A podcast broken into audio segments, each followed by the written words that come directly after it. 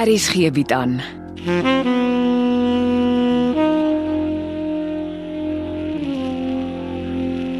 Afsluiting deur Jo Kleinhans.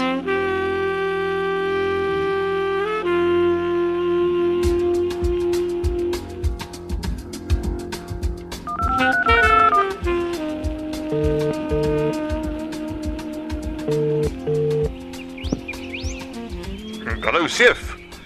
Ek hoor jy soek my dringend. Is daar fout? Reg, Dawie. Kan ek praat of moet ek later bel? Nee, praat gerus. Ek uh, ontspan 'n paar minute. Dis eintlik 'n gesprek waar ek sal verkies om jou in die oë te kyk. Nou, dit klink gewagtig. Wat plan? Ek sit hier op goed begin met jou erg ontstelde dogter. Is Cindy by julle? Ja, en soos die noodlot dit wil hê, kom my skoonseun toe hier aan en beskuldig haar dat sy gehelp het om agt van my vrou se skillerye uit die pakkamer op my plaas te steel. En om alles te kroon, lig hy haar toe so ewe in.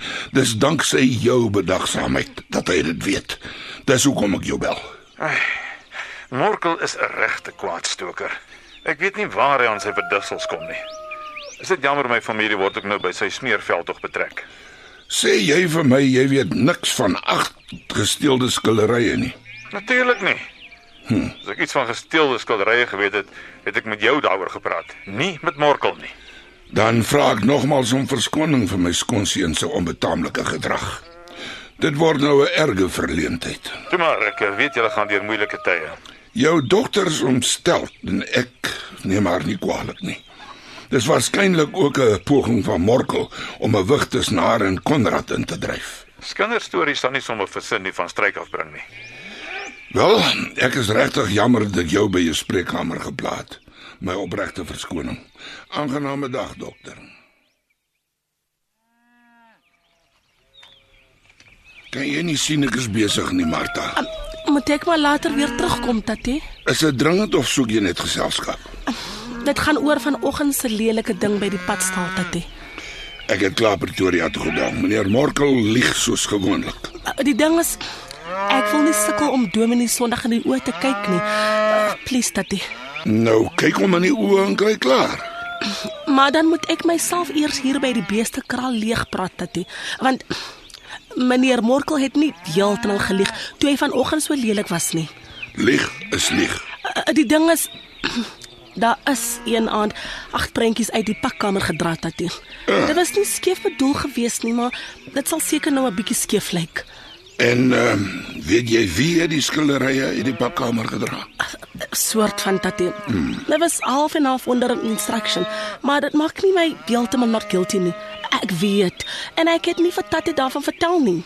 En hoekom het jy my nie vertel nie, Martha? Dit was die nag voordat meneer Morkel al die prentjies kom vat en laat opskuif het. Konrad wou net ietsie van sy ma oorgehou het. En toe dra ek vir hom agt van die prentjies uit die pakkamer en ons vat dit Pretoria toe. Konrad wou eintlik net 5 gehad, maar ek het nie mooi geweet wat 'n 5 nie en toe dra ek 8 uit. Maar jy kan nie bestuur nie, so het jou gehelp, want Konrad was nie op die plaas nie. Al het ek nie die motor self bestuur nie, was dit eintlik my skuld want ek het die mens soort van gesê om te ry tatie. Die verdomde Molly kyk my in die oë en lieg deur haar tande. Sy weet al die tyd van die afskillerye en vanoggend kyk sy my met skaapoë aan en pleit bewusteloos. Ek het daar aan die ding geboelie tatie. Sy het die hele aand net getatte en getatte, maar ek het my doof gehou. Alles is my skuld. Was Cindy Nel deel van die komplot? Nie van my kant af nie. Ek en Cindy het mekaar maar eers vandag ontmoet. Dis 'n baie gawe meisie net tatie. Moenie nou mooi praatjies maak nie, Martha. Jy is die groot kerkvrou op goed begin. Jy moet die voorbeeld stel en kyk wat doen jy? Jy loop toe al die tyd hand op die blaas met die duiwel. Wag tot ek vir Dominee vertel. Sy preek hy help niks. Dit was alles baie goed bedoel gewees, net om vir Konrad met sy ma se erfgoed te help.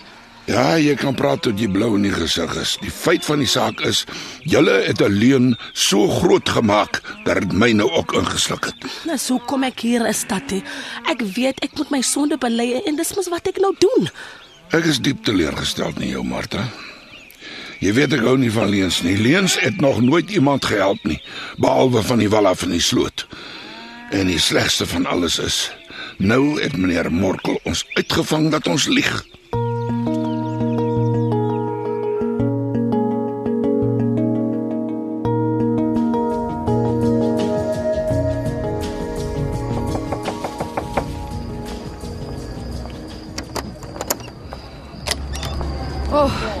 Dis jy. Wat bring jou Pretoria toe? Ek is hier om met die crime boss te praat. O, ek moet jou skelm help om die dame van die nag te koop en weg te steek, maar ek mag dit nie vir Konrad doen nie. Twee dinge, sweetness. Daar's 'n groot verskil tussen 1 en 8 skillerye. En hoekom weet ek dit nie? Vertrou jy my nie? Wel, dis nie goed wat jy oor die foon bespreek nie. Ek was hier met Konrad se ongeluk, was ek nie? Toe was jou kop op ander goed. Flou verskonings. Ek neem aan Molly kon jou nie gou genoeg bel en jou volledig inlig toe sy sien daar verdwyn my motor oor die bult nie. Ek en Molly is die innocent bystanders wat by die ding ingetrek is. Ah. En al is jy hoe kwaad, dit was goed dat Konrad van sy ma se portrets gered het. Maar nou weet sy pa daarvan en Morkel sal hof toe gaan om dit terug te kry. Hy het nie 'n klou wat 'n skillerye dit is nie. Hy het net die misbaksel van 'n bekker se woord daarvoor. Hoe weet jy van al die goed, sweetness? Al hoekom ek seker goed weet is omdat Dawie Becker iets met een van my vriendinne te doen het. Vriendin soos in Ja, soos in my straatvriendin. En dit kom al 'n ver pad. voor sy vrou se Ja, julle mans is mos spiere bok en 'n bok is 'n bliksem. Hoekom het hy vir Morkel van die skillerye vertel? Ek raai hy is agter meer van jou dogter se portrets aan. Hy help Morkel en die een hand was mos die ander. Maar dan lieg Dawie mos in my gesig. As Dawie besluit het hy gaan jou oorlede dogter se portrets koop, gaan hy nie ophou tot hy dit reg gekry het nie. Ek begin al hoe minder van die man nou. Uiteindelik, iemand wat soos ek oor hom voel. Weet Cindy van die skillerye? Nee, en dit kan 'n taai toffie vir Konrad word. Cindy was van die begin af nie mal daaroor gewees dat Konrad sy ma se portret smous nie. Antwoord tog die damn ding. Sweetness. Hi.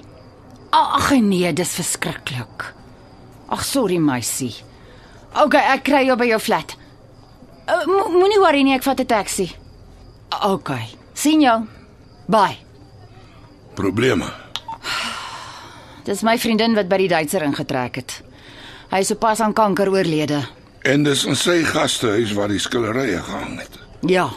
Dis ook maar goed ons het hulle geskuif. Wat gaan nou van haar word? Sy sal seker terugtrek na haar flat toe. Ek slaap vanaand by haar. Dan kan jy en Konrad hier slaap.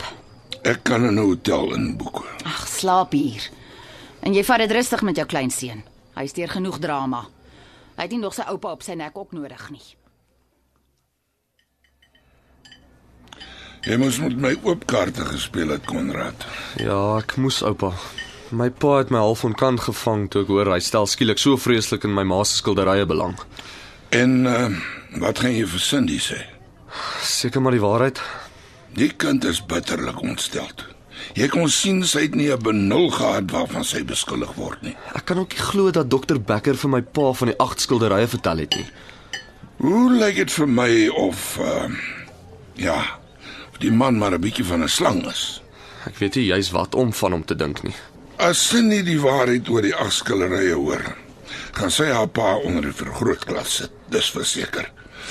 Maar ek het so 'n nare spesmaas jouself gaan lelik in die dogbox wees by haar.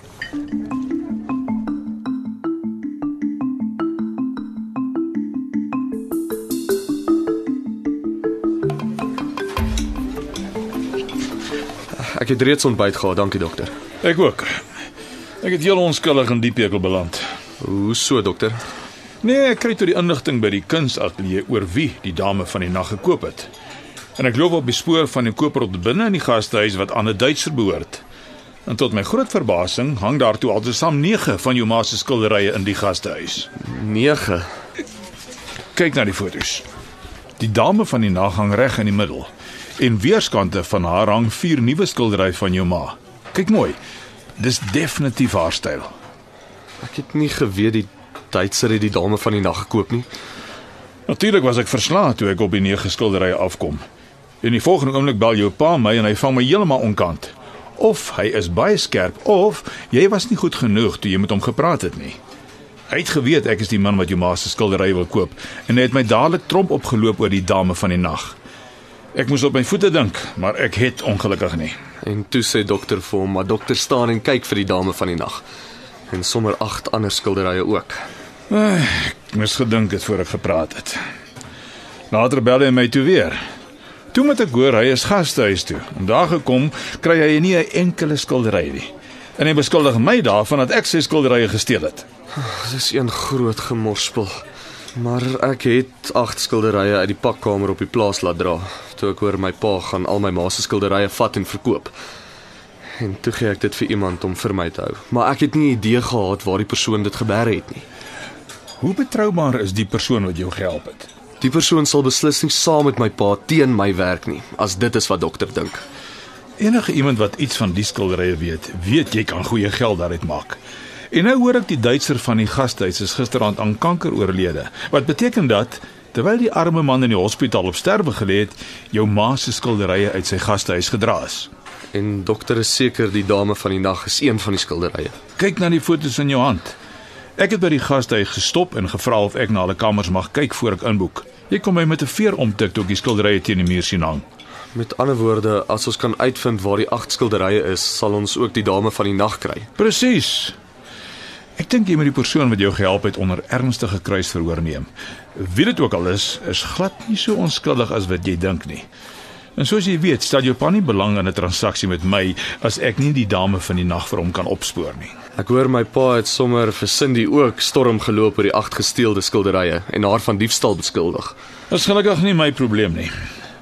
Ek het klaar vir haar verduidelik hoe ek op die skilderye in die gastehuis afgekom het. Hoe jy verby haar gaan kom is jou saak. Dit gaan nie maklik wees nie. Ek hoop jy help my om die dame van die nag opgespoor te kry. Sonder die skildery praat jou pa beslis nie besig met my nie. Ek sal wag vir jou oproep. Moenie my teleurstel nie.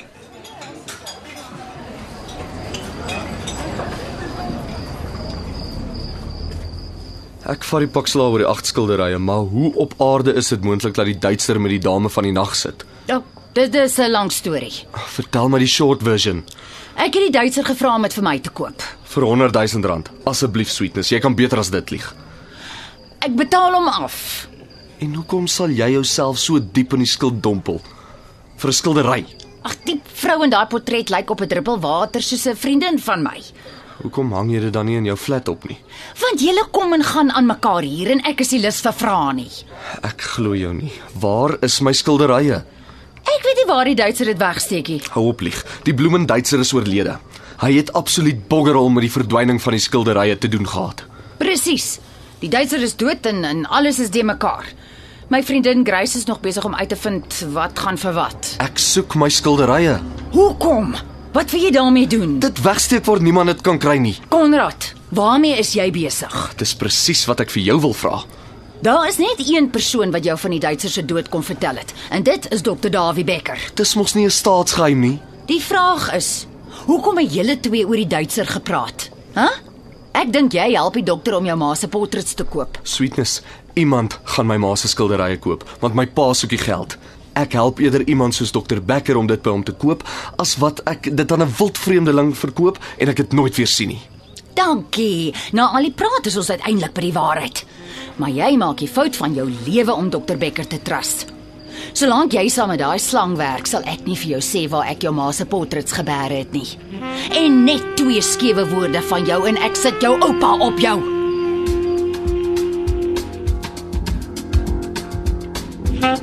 Afsluiting is geskryf deur Jo Kleinhans. Evit Snyman Junior en Bongwe Thomas beheer die tegniese versorging en die storie word in Johannesburg opgevoer onder regie van Renske Jacobs.